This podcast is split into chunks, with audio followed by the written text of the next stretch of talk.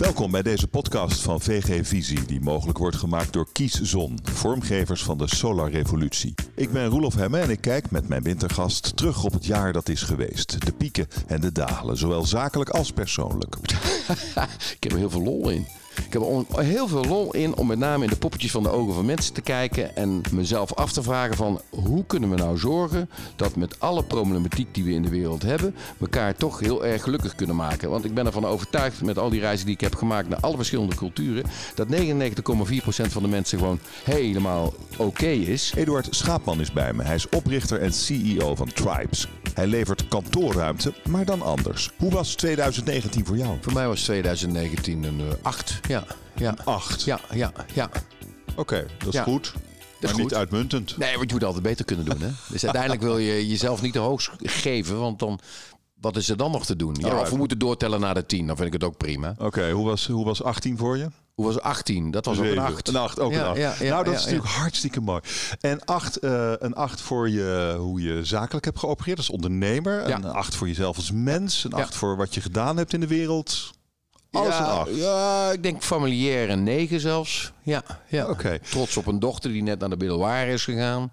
Trots op een andere dochter die uh, ook, nou, die zitten vlak bij elkaar naar de middelbare gaan. En ze hebben in ieder geval alle twee hoger gescoord dan hun papa en mama. Dus dat is toch uh, iets om, om uh, heel trots op te zijn. Hè? Ja. Doorgeven, toch belangrijk. Oké, okay, hoger gescoord dan papa? Ja, zeker. Was ja, papa niet ja. zijn studiehoofd? Uh, papa was een praktijkman en is een praktijkman. En heeft keurig wel zijn diplomaatjes gehaald. Maar altijd met zesjes, om het zo maar te zeggen. Omdat hij het toch leuker vond om buiten te spelen. Ja. Oké. Okay. Um, uh, zakelijk heb je in uh, 19 besloten om een rem op de groei te zetten. Ja, klopt. klopt. Na ja. een krankzinnige vier jaar. Uh, ja, je hebt, drie jaar, hè? Drie jaar, drie, drie jaar was het toen. Dus je hebt, maar goed, nog steeds krankzinnig. Je hebt Tribes opgezet. En het groeide als een tierlier. Ja, er is behoefte aan dat soort alternatieve kantoorruimte klopt. dat jij biedt. Ja, klopt. Helemaal waar. En dan denk je, dan groeien.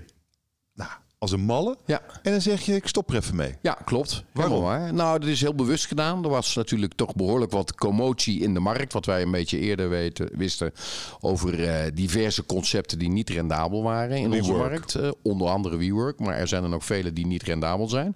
Het is niet alleen WeWork. Dus uh, de vraag was, klopt het businessmodel? En is het businessmodel juist? Was jij, zelf, jij was zelf toch wel rendabel? Ik was op dat moment nog niet rendabel, want ik was, uh, nog was drie jaar uh, oud. Okay, nee, okay, klopt, okay. klopt. Dus je dacht, gaat dit wel goed? Nou, ik wist zeker dat het goed ging, maar ik wilde ook zeker weten waar ik dan de maximale profijt uit kon halen. En dat blijkt, dan ga je kijken naar inderdaad samenstelling van een gebouw, maar ook vooral waar moet ik zitten, op welke locaties en in welke steden. En dat is een hele belangrijke geworden. Oké, um, dus je bent dus ook helemaal niet gegroeid? Nou, dat is niet helemaal waar. Uh, we hebben natuurlijk wel uitbreidingen ja. gedaan op bestaande vestigingen die heel goed draaiden. En dan uh, zitten die inderdaad helemaal vol. En dan denk je van, ik neem er toch nog weer een vloer bij. En dat hebben we drie, vier keer gedaan dit jaar. Dus we zijn niet, niet helemaal gegroeid. En we zijn natuurlijk qua omzet gigantisch gegroeid. En qua inderdaad uh, van verlieslatend naar winstgevend. Eerst op locatie en daarna over het hele bedrijf. Dus we hebben Hmm. een fantastisch resultaat gehaald. En we hebben nu gezien welke gebouwen en op welke locaties het best kunnen zitten. Dus ons groeiplan hebben we ook wel weer gepresenteerd. Hè? Want we gaan nu inderdaad naar die 30 grote Europese hoofdsteden. Die we ook in de, de Global City Index kunnen halen. Maar dan specifiek gefocust op Europa. 30, je zit nu in Ja. de 7, toch? Acht. Ja. Acht ja. inmiddels. Ja. Oké, wat zijn de getallen die horen bij uh, dit, dit jubelverhaal en die zakelijke 8? Welke getallen wil je horen? Nou ja, als je zegt we maken winst, we maken omzet, Ja. het gaat allemaal goed. Ik weet niet waar, Ja. precies wat je erover kunt en Ja. wilt zeggen. Maar ik ben benieuwd naar, naar uh, de getallen die bij, bij jouw optimisme horen. nou, bij mijn optimisten uh, hoort eigenlijk dat ik uh, uh, inderdaad nu 50.000 vierkante meter vol verhuurd heb. Dat we een bezettingsgraad hebben die boven de 90% zit.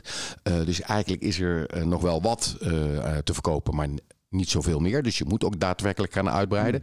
Onze contracten in onze branche zijn gemiddeld 6 tot 9 maanden. Maar wij zitten op een contractlengte van 2,5 maand. En 70% van onze klanten zijn grote corporates. Noem de banken, de verzekeraars, de pensioenfondsen. Dus anders dan anderen waar veel ZZP'ers en, en MKB zitten. Die zitten ook bij ons. Uh, maar hebben, zijn wij toch zwaar vertegenwoordigd door uh, grote bedrijven. Met uh, vooral hun innovatieve projecten. Maar een contractduur van 2,5 maand zeg je? Jaar, ja. Je zei maand, ja, maar ik dacht al, je bedoelde jaar Ja, natuurlijk. ja. Oké, Oké, dus uh, dan doe je iets goeds. kan je zeggen. Uh, vooral omdat je nu ook geld verdient in een markt waarvan je vorig jaar zag, dit gaat niet goed. We hebben pas nog het drama gezien van WeWork. Dat in één klap een miljard of veertig minder waard werd op de beurs. Volgens mij ook nog nooit geld verdiend heeft. Klopt. Um, wat doe jij dan anders dan WeWork? Ik heb me gefocust op datgene waar we goed in zijn. En dat is uh, flexibel uh, wegzetten van vierkante meters. Doe zij ook? Uh, nou, zij zijn begonnen met We Are a Tech Company. Uh, wij zijn een echte tech company. Uh, dus zij zijn, uh, hebben zich gericht op andere zaken. Plus zij hebben zich vooral gericht, zoals ook vele anderen in onze branche, op groei, groei, groei. Pak nu alle vierkante meters die er over zijn. En daarna gaan we kijken of het businessmodel rendabel is. Dat komt natuurlijk omdat er heel veel cash in de markt is. Dus die cash moet weg. Dus, dus private equity, maar ook, ook family offices investeren daarin. Maar ja, ik ben misschien een beetje van de old school. Ik wil wel aantonen aan aandeelhouders en mezelf dat ik profitabel ben. Want uiteindelijk kun je vanuit profijt door blijven werken en blijven bestaan. Want op een gegeven moment kun je ja, toch het niet meer uh, verkopen van uh, na tien jaar. Ja, ik, ik, ik uh, draai nog steeds geen winst. hoe ga ik dat regelen? Ja, je hebt natuurlijk je, je, je bedrijf heet Tribes. Dat is ook niet ja. voor niks. Tribes is, dat betekent stammen. Ja. Um, en, en, jij houdt dus jij houdt van stammen en je vindt iets bij stammen. Uh, wat je zo gaaf vond dat je dacht dat, dat wordt mijn concept. Klopt, klopt. Uh, als je daar, daar dat helemaal afpelt, wat is het dan dat je daaraan zo fascineert? De kern is eigenlijk de mens zelf.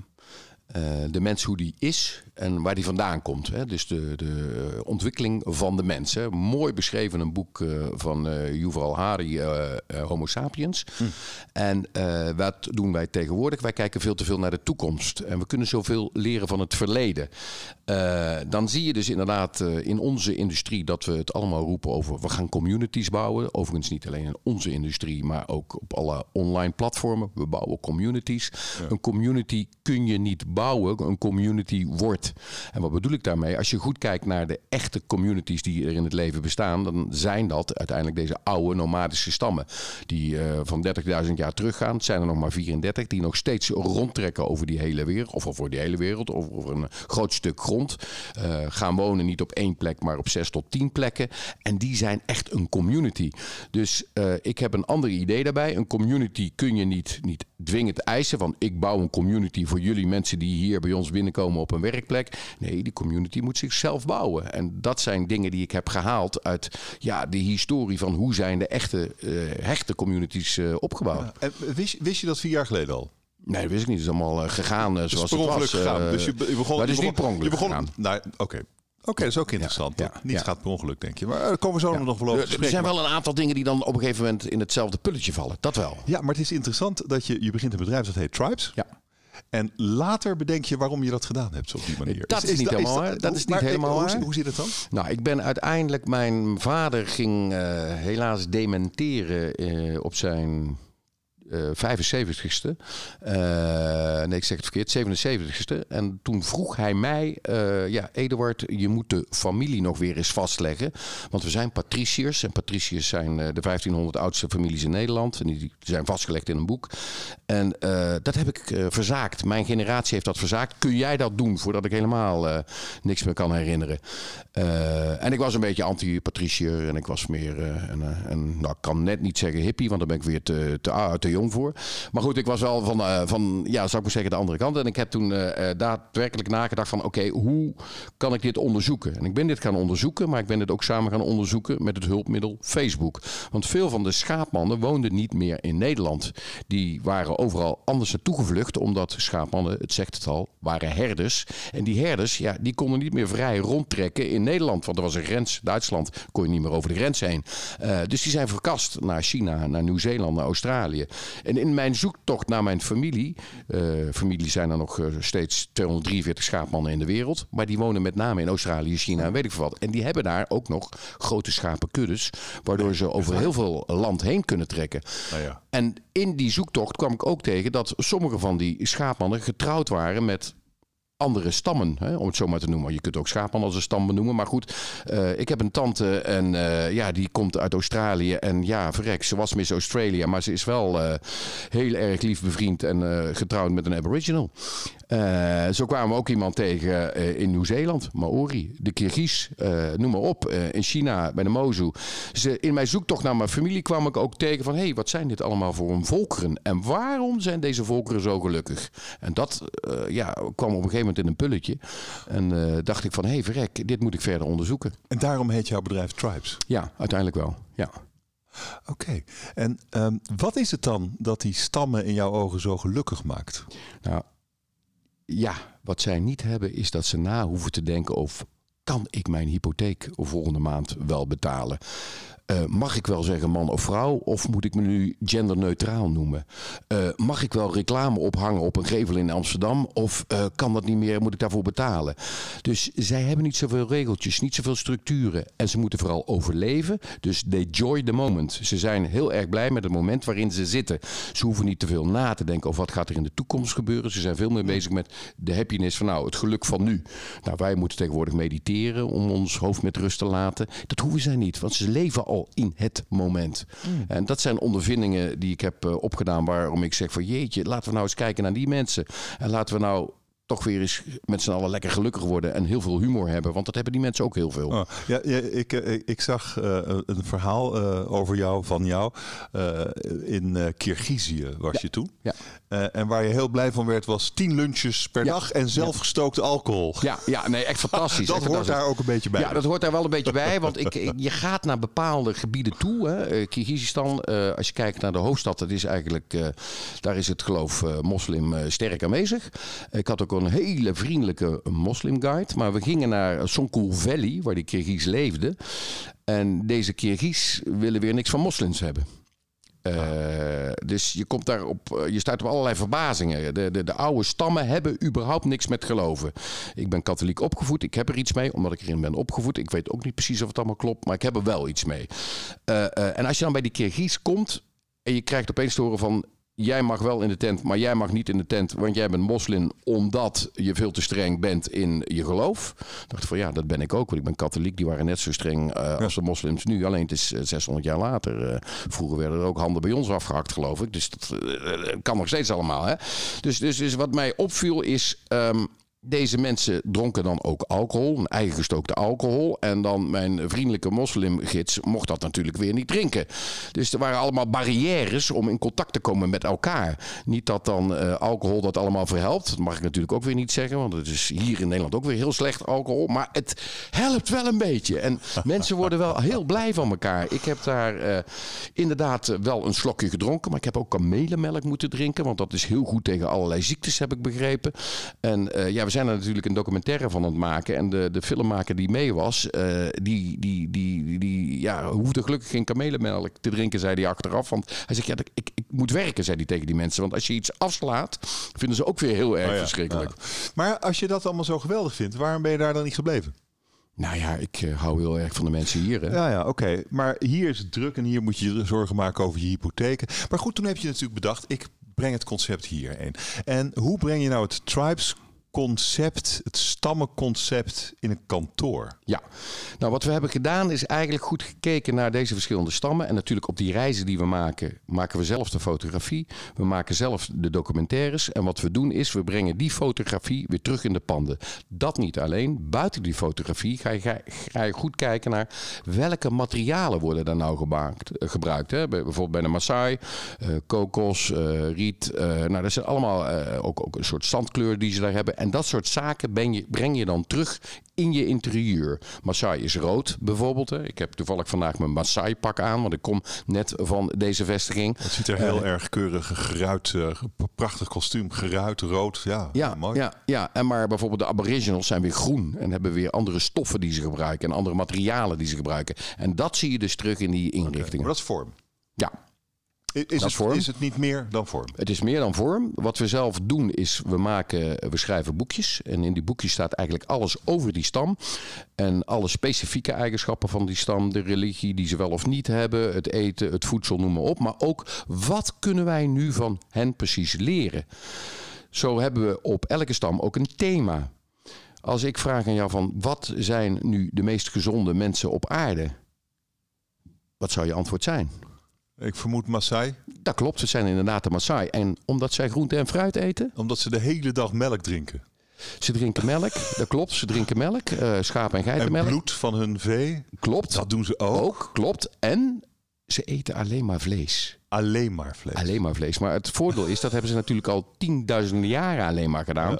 Dus in, dat, Ah. in de maag, in de motor, is alleen maar dezelfde brandstof gekomen. Dus dat is inderdaad eh, bloed van koeien, dat klopt. Eh, bloed van koeien houden ze goed door urine. Ook dat weer. Eh, ze hebben schapen- en geitenvlees, eh, wat ze eten inderdaad, en heel veel melk. Maar omdat ze altijd hetzelfde hebben gegeten, is die maag daaraan gewend. En waarom zijn ze dan toch zo gezond? Waarom is hun vetgehalte zo laag en een body mass index zo laag? Dat komt omdat ze gewoon meer dan acht uur per dag bewegen. En wij hebben allemaal een kantoorbaan en we zijn al blij als we 30 minuten per dag bewegen. Ja, dat is wel een heel groot verschil. En hoe, maar hoe breng je dat dan? Kijk, je, je, je gaat niet de hele dag staan barbecuen in je, in je kantoor hè, of zo. Of Nee, je gaat ook nee. niet de hele dag eh, heen en weer lopen in Nee, je kantoor. klopt. Nou, dat laatste, dat laatste bevorderen we weer wel. Oké, nou ja, da- daar ben ik Dat dan benieuwd naar. wel. Hoe, Ja, ja. Want die, die specifieke dingen, wat je nu benoemt, het, bewegen, dat, dat kan je natuurlijk in een, in een eh, kantoorsituatie ook brengen. En dat is ook wat je wilt entameren dan. Hoe doe je dat? Nou, kijk, dat is om te zorgen en na te denken van hoe gaan mensen te werk, hoe lopen ze, maar ook vooral waar wordt er het meest gepraat? Waar wordt er nu het meest gepraat en het meest zinnig gepraat in een kantoor? Koffieautomaat, Koffieautomaat, ja, inderdaad. Juist, juist. Nou, daar heb je hem al helemaal te pakken. Dus als je zorgt dat je inderdaad hele leuke, gezellige koffiepantries hebt, maar ook zithoekjes creëert waar mensen rustig kunnen gaan zitten, zoals ook in dit gebouw zag ik beneden eh, toen ik hier binnenkwam. Ja, dan kom je al een een heel eind. Want dan kunnen mensen plekjes zoeken waar ze kunnen gaan communiceren. En dan zorg je dat die plekjes niet zozeer en dicht bij hun kantoor zitten. Maar dat ze toch een bepaald loopje moeten doen. Dus looproutes creëren. Zodat de mensen toch weer meer, meer gaan bewegen.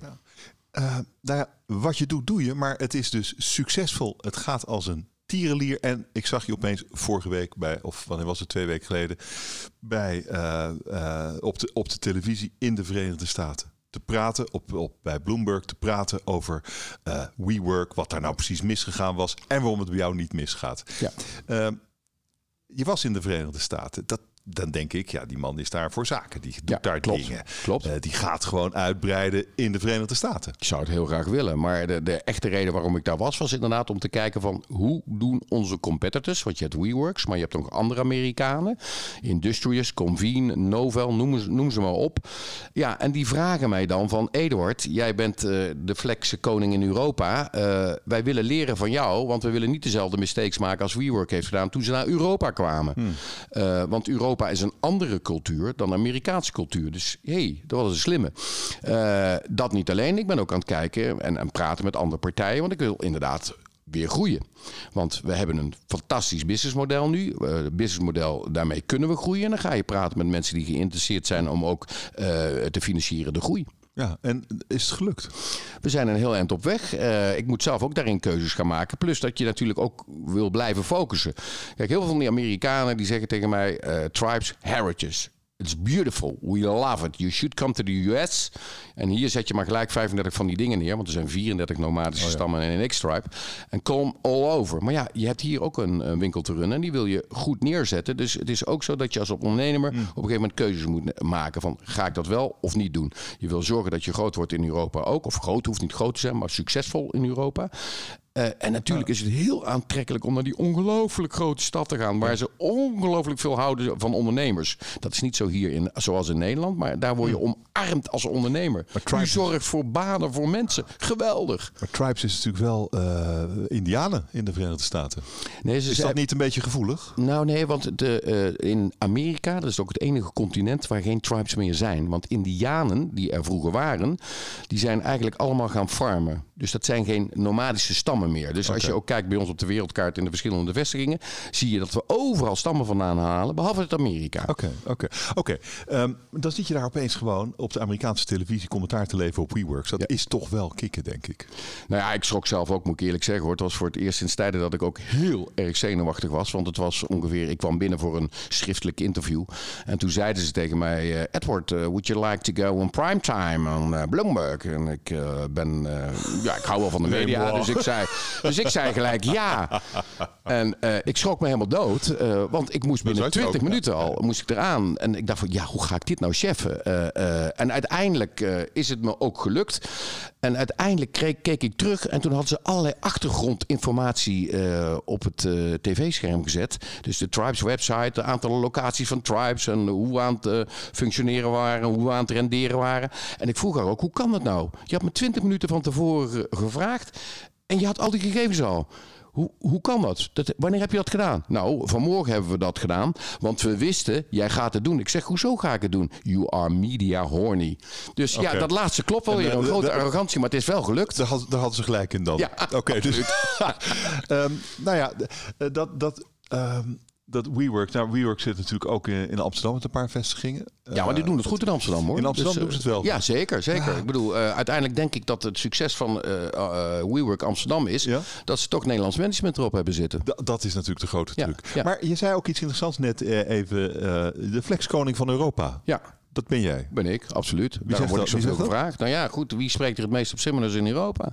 En ik zeg het inderdaad zelf voor. Voor de rest wordt het wel eens in, word ik er inderdaad wel eens in artikelen wordt er daaraan gerefereerd. Maar ik moet je natuurlijk wel zeggen, de echte man die echt eigenlijk dit, dit helemaal heeft eh, bedacht is Mark Dixon. Uh, de eigenaar van IWG, uh, eh, Region Spaces. En dat is de mhm. man die natuurlijk, waar ik het ook van heb geleerd. Maar die zijn toch veel groter? Die zijn veel groter. Die zijn, waarom zijn zij dan niet de koning? Hij is ook de koning, maar ik heb mezelf bekomen tot koning. Misschien is hij zelfs de keizer. Hij is, de keizer. Ja, mooi, ja. Ik heb het van hem geleerd. Het is de, de man uh, waar ik heel veel respect voor heb. En die, die, die echt het vak heeft uitgevonden. Zo kun je het wel stellen. Ja. En nu, um, 2020. Nou, je hebt al uh, aan het begin van ons gesprek gezegd, er moet, uh, er moet, uh, we moeten naar 30 steden strakjes, ja, van 8 naar 30 Europese steden. Europese steden. Verenigde Staten is dan misschien voor 2021, wie weet. Um, maar dat is nog best veel. Ja. Hoe ga je dat doen? Nou, ik weet niet of het veel is. Uh, mijn collega Martijn Roording uh, van Spaces uh, was bij BNR op de radio gisteren bij Groeihelden. Nou, die vertelde inderdaad dat hij naar 300 Spaces onder de, de vlag van Ries is gegroeid natuurlijk. Hè. Dus dat heeft hij ook in een dik jaar gedaan. Dus het is mogelijk. Er zijn concurrenten die het hebben gedaan. Ik zeg niet dat ik naar die 300 zo hard ga hollen. maar we hebben wel voorbeelden vanuit de industrie die laten zien dat het mogelijk is. Je moet inderdaad eerst een businessmodel hebben neergezet waar waarbij het kloppend is. En dan moet je gaan zoeken naar de juiste locatie. En dat laatste is het meest moeilijke. Want wij zijn met name een partij die georiënteerd is in internationale steden. Hmm. Echt in het centrum. Bij uh, de, de vliegvelden uh, en bij uh, de grote stations. en ja, daar, daar, zet je, daar heb je natuurlijk ook steden bij waarbij het moeilijk is om gebouwen nog te kijken. Kijk naar Amsterdam, hebben we gelukkig al zeven vestigingen. Maar om daar nu nog een vestiging te openen met een vacancy van 0,4% op het gebied van uh, huurcontracten, is het moeilijk om nog een gebouw te vinden. Ja, want je wilt huren. Huren of kopen, uh, dat ligt er inderdaad aan. Hè. Uh, wat is het, uh, het makkelijkste businessmodel in deze? Als je een, een leeg pand kunt vinden wat goed moet opgeknapt worden, ja, dan is het ook best wel eens interessant om gewoon te kopen en opnieuw neer te zetten en dan inderdaad te vullen, zoals we dat noemen. Maar het is wel belangrijk um, dat je met name die goede locatie vindt. En hmm. soms is dat te koop, soms is dat een huur, soms is dat een partnership. En dat is natuurlijk meteen het grootste probleem in die steden waar iedereen wil zitten op die locatie waar jij wil, wil iedereen. Ja, ja, klopt. klopt. Dus hoe vind je het dan? Um, er zijn gelukkig nog steden waar wel een behoorlijke vacancy is. Zo zijn we natuurlijk op tijd in Frankfurt begonnen. Frankfurt kent nog een vacantiegraad van 15%, dus daar zijn nog gebouwen te krijgen.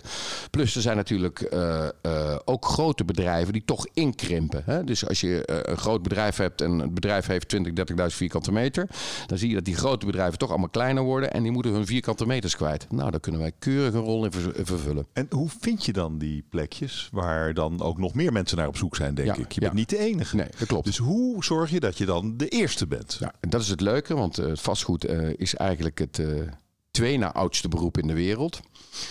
dus niet het oudste beroep, maar het twee na oudste beroep. dus dat betekent dat je ouderwets moet netwerken ouderwets moet zitten in de groeperingen en groepen die inderdaad hierover gaan. En dat Hmm. betekent dus dat ik eh, veel reis en in veel grote steden zit. Eh, in Londen, Frankfurt, Berlijn, München, Stuttgart, Keulen. Om te zorgen dat je veel komt te weten. Want van makelaars kom je veel te weten, maar je moet er wel zijn, je moet er staan en je moet het horen. En gaat het dan, gaat het dan lukken? Dat Ja, plan voor 2020? Ja, dat plan is nu al uitgeschreven. En in principe de pipeline, hè, de, de, de, de aantallen eh, openingen die we willen Hmm. doen, die, zijn, eh, die staan op rij. En er zijn er al veel van getekend. En die kunnen we al gaan uitrollen. Je bent nog met iets anders bezig. Eh, ik geloof dat je het co-living noemt. Ja, klopt. Ja. Wat is dat? Nou, wat we nu zien is een wereldbevolking van 7,4 miljard, waarvan 42% van deze mensen woont in de grote internationale steden, in die conurbations. In 2050 gaan we naar een, eh, een groep van mensen op de wereld, 9,1 miljard. Maar 70% van deze, eh, van deze eh, mensen wil wonen in die conurbations. Dus we krijgen een gigantisch probleem als we niet kunnen groeien in de stad. Lees bijvoorbeeld Amsterdam. Amsterdam mag je niet meer in de hoogte bouwen. Dus het wordt een probleem om daar meer mensen te huisvesten. Als we nou slimmer gaan nadenken over hoe gaan we dat dan wel doen. Hè? Ik bedoel, de European Medicine Board in Amsterdam zijn met 900 mensen eh, neergeland in Amsterdam. En die mensen kunnen niet allemaal wonen in Amsterdam, omdat er niet genoeg ruimte is. Dus die wijken uit, eh, zei hij eh, grappig, naar een camping op de Veluwe. Maar ze commuten daardoor veel meer. Veel meer CO2, veel meer CO-stikstof eh, ellende.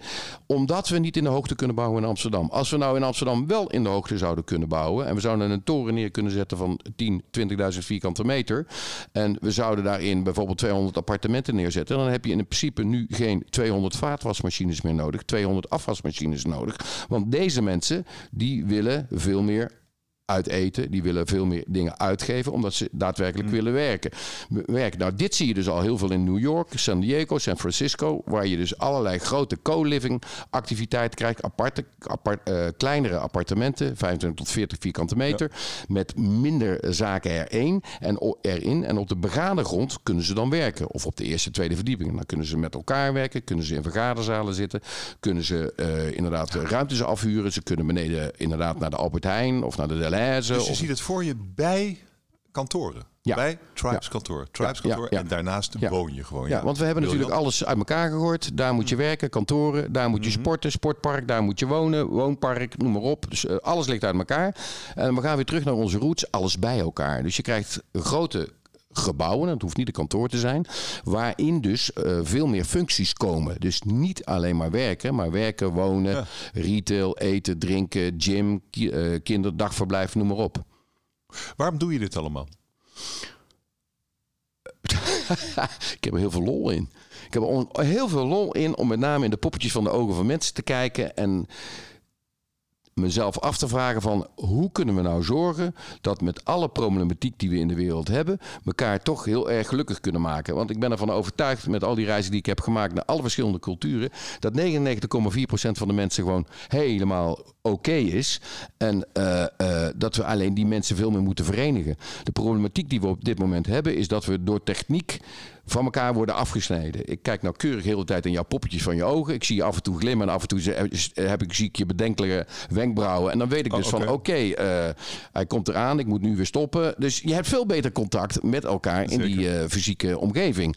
En die snijden we af door de techniek. Dus om te zorgen dat we nu toch nog bij elkaar kunnen komen op ja, ultieme plekken, eh, denk ik dat we al een, een, een heel stap verder komen. Oké, dat is eigenlijk een heel eh, hoog en edel doel. Ja, ik moet je dan ook wel zeggen, we komen natuurlijk uit een eh, katholieke familie. Ik bedoel, eh, mijn oud-oud-oom was eerste priester in de Tweede Kamer. Ik heb een oud-oud-oom die was kardinaal. Dus misschien heb ik iets missionarisachtig over me. Maar dan wel in de goede zin van het woord. Missionaris zijn betekent nogal wat. Eh, maar ik, ik hoop gewoon ja, mensen te kunnen inspireren. Mensen eh, met elkaar aan de gang te krijgen. En eh, wat, wat, ga je, wat ga je anders doen in het nieuwe jaar? In je, in je, in je eh, professionele leven, in je privéleven. Wat zijn je plannen? Nou, ik ga in ieder geval nog meer loslaten dan ik al heb gedaan. Uh, ik ben nogal een detailist, uh, vindt men uh, intern. Ah, ik ben nogal een control freak. Ja? Oh, ja. het is me gelukt al, denk ik, in het afgelopen half jaar om heel veel los te laten. en dan moet ik nog meer doen, want ik zie opeens dat, dat mensen waanzinnig creatief kunnen zijn daardoor. Dus wat ik zelf altijd roep van niet te veel structuur, niet te veel processen, moet ik zelf ook loslaten. wat ga je loslaten? Uh, wat je ziet is dat je kunt heel structureel allemaal met elkaar gaan mieten continu. Uh, maar je kunt ook zeggen van nou, kom eens met een leuk idee. Uh, wanneer ben jij klaar? What's the time frame? Let wel daar en daarop. Maar kom in ieder geval terug met een met een tijdspad wanneer we weer bij elkaar gaan komen om dit hmm. onderwerp te bespreken. Dus in plaats van het opleggen van nou zorg nou dat het dan en dan klaar is, want dan. dan, dan, dan. Oké, maar wat denken jullie nou? Dus je hmm. gaat meer de, de, de brains van anderen gebruiken, de creativiteit van anderen gebruiken door en niet steeds het zelf opleggen. Ja, en hoe blijf jij dan in het nu? Aan het begin van ons gesprek beschreef je hoe belangrijk je dat vond, eh, wat je zag bij die, bij die nomadische volkeren waar je op bezoek bent geweest. Eh, wat je belangrijk vindt is in het nu ja. zijn. Ja. En ehm, eh, als een ondernemer met grote plannen, grote belangen, ja. ben je niet de hele tijd in het nu? Of kan je dat wel? Ben je niet de hele tijd in het nu? Nou, zeker. Juist niet de hele tijd. Je bent heel erg in de toekomst. Ja, ik ben, ik ben inderdaad in de toekomst bezig, maar ik ben nu, nu met jou in gesprek en ik kijk nu naar jou. Ik ben verbaal met je bezig. Uh, dus ik ben nu met dit gesprek bezig en niet zozeer met iets anders. Ik heb het er wel over, maar ik enjoy, I enjoy the moment die we nu op dit moment hebben. En, en dat is wel een kunst, denk ik. Ja, nou ja, het heeft mij wel uh, ook voor mezelf uh, heb ik daar kaart op moeten werken en trainen. Uh, ik ben uiteindelijk eerst heel erg naar mezelf gaan kijken. Uh, wat moet ik aan mezelf veranderen? In de plaats van dat ik zeg jullie moeten veranderen, maar wat moet ik zelf veranderen? Nou, dat betekent inderdaad voor mij. Wat was je antwoord op die vraag? veel gezonder leven, veel meer sporten, ehm, veel meer luisteren, focus tijd nemen, rusten, uitrusten, nadenken. Uh, en terugzitten. Want ja, je ziet het, ik ben nogal uh, extrovert en expressief. Dus af en toe moet ik gewoon eventjes terug. En ik heb met name ontdekt dat ik uh, ja, op heel veel activiteiten ben verbeterd. Omdat ik heel erg goed ben gaan zorgen voor mijn eigen, lijf, eigen lijf ook. En als je op je eigen lijf, voor je eigen lijf goed zorgt, dan kun je ook iets doorgeven. First love yourself en dan kun je pas iets doorgeven. Ja, ja. En, dat, en je slaagt erin dus? Ik vind dat ik daarin slaag jij bokst met je vrouw. Klopt, kickboksen. Ja, kick, nou, dus nog erger. Ja, ja, klopt. En wil er niemand anders met je kickboksen? Of durf je niet met iemand anders te kickboksen? Nou, ik ga uh, sowieso niet in de ring staan hoor. Het, oh. het, het, heet kickboksen inderdaad. En wat wij doen is, wij hebben een, eh, een fantastische trainer, uh, voor hmm. Meervoudig uh, Muay Thai kickbokskampioen geweest. Een fantastische man. En wat hij eigenlijk doet is zorgen dat je werkt aan je lijf. En dat is niet dat je alleen maar aan het trappen en aan het boksen bent. Hij begint gewoon heel simpel met hoe is je conditie. En die moeten we eerst eens opveilen. En dan gaat hij zeggen van nou oké, eh, je core, uh, die is helemaal niet goed in orde. Dus laten we daar ook aan gaan werken. En laten we eens wat gaan doen aan je spieren. Want hoe ouder je wordt, hoe meer je aan je spieren moet gaan doen. Spierkrachttraining. Nou, dat vond ik iets vreselijk. Want ik ben een hele frequente fietser. Ik ben een racefietser en een mountainbiker. Dat is een duur sport, dus mijn longen zijn wel goed. Maar mijn spieren waren inderdaad uh, drie jaar geleden slappe hap.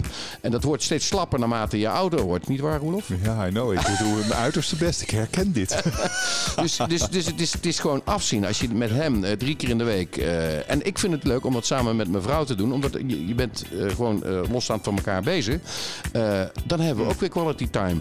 En zij springt inderdaad veel beetje beter touwtje dan ik. Ja, dus dat is ook, afzien. Maar dat vind ik ook echt overschat hoor. Ja, maar dat is leuk. Het is mooi, dat touwtje springen. ik vond het ook nou, omdat ik het niet kon. Omdat ik het niet kon, vond ik het overschat. Maar ik vind het wel heel leuk om te doen. Ik wens je een heel mooi jaar. Vond het een leuk gesprek. Dankjewel, Dankjewel daarvoor. Dankjewel.